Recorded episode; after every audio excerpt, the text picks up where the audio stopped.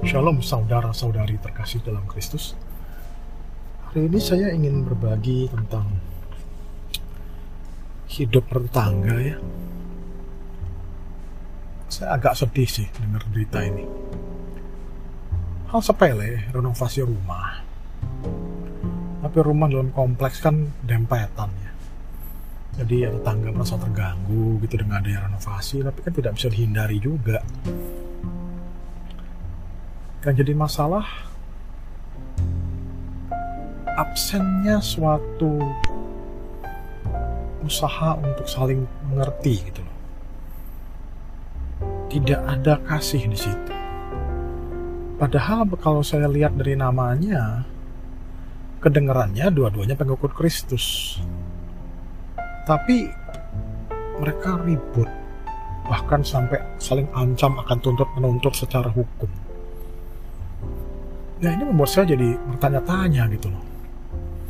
Bukankah kita semua ini sebagai anak-anak Kristus dituntut untuk menjadi garam dunia dan terang dunia?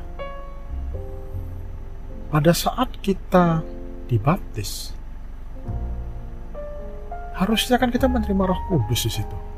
Kita lahir kembali dalam roh roh dengan R huruf besar ini, bukan roh kecil, uh, roh, roh roh sembarangan ya, tapi roh huruf besar nih, dalam artian roh kudus.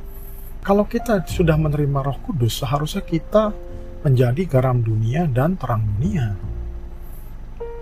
Kalau Anda masak, ya terlepas dari bahan baku apa pun ya kita ngomong ya, waduh daging terbaik, wagyu, sorry ya saya cuma tahu daging sapi paling bagus itu wagyu. Kalau Anda yang ngerti masak mungkin lebih ngerti dari saya dengan bawang apa semua masuk kapulaga kemiri ketumbar uh, kentang semua masuk dalam satu umpama kita masak sop gitu deh tapi bagaimanapun hasil masakan itu pasti hambar kalau nggak ada garam jadi bukankah harusnya kalau kita garam dunia kelompok masyarakat ya dalam artian ini tetangga-tetangga ini satu RT, satu kompleks itu hambar kalau nggak ada orang Kristen. Dengan adanya orang Kristen, hidup bertetangga itu jadi enak, harusnya jadi menyenangkan. Dan nggak hanya itu, kita juga harus jadi garam dunia. Ingat, dikatakan kota yang ada di pinggir tebing itu tidak bisa disembunyikan. Jadi kita tuh harus begitu jelas dan terang bagi semua orang bisa itu loh orang Kristen, itu loh orang baik. Begitu itu tuh orang-orang baik yang menyenangkan yang membuat hidup bertetangga jadi enak.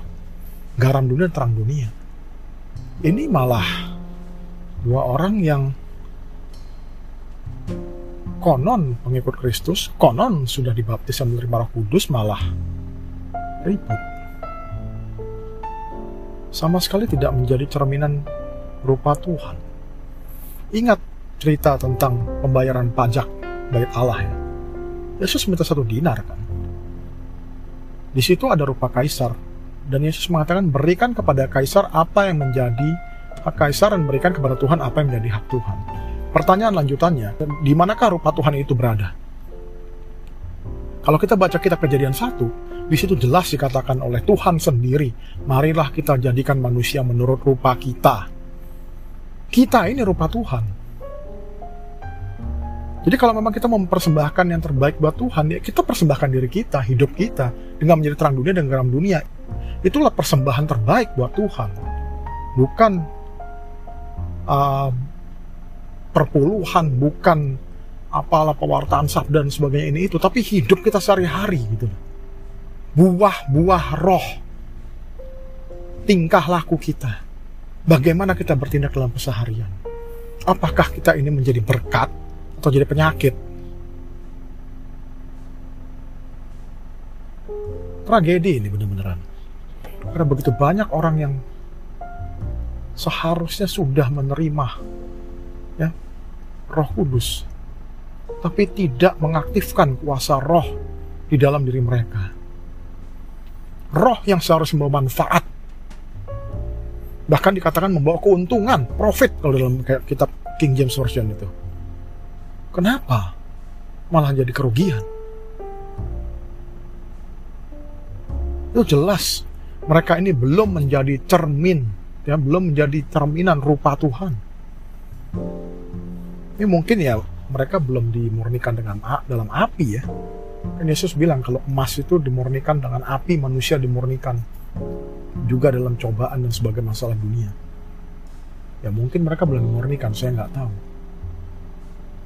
Nah, sedikit cerita, kalau Anda lihat tahu peleburan emas zaman dulu, itu tinggal dibakar sampai meleleh, semua zat-zat yang tidak murni itu mengambang ke atas karena emas itu sangat berat ya, dia akan turun dalam cairan dan dia cairan paling berat.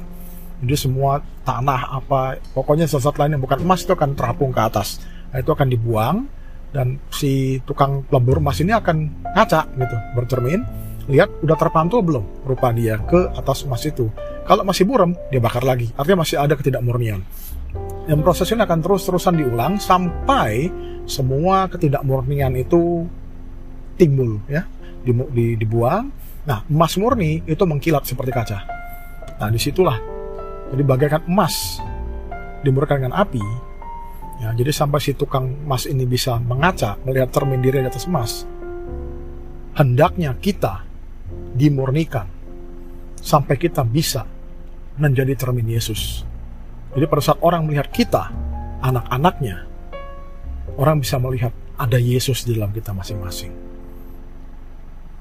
Ya, itu sajalah. Terima kasih semuanya, saudara-saudara kasih. Tuhan memberkati. Have a good weekend.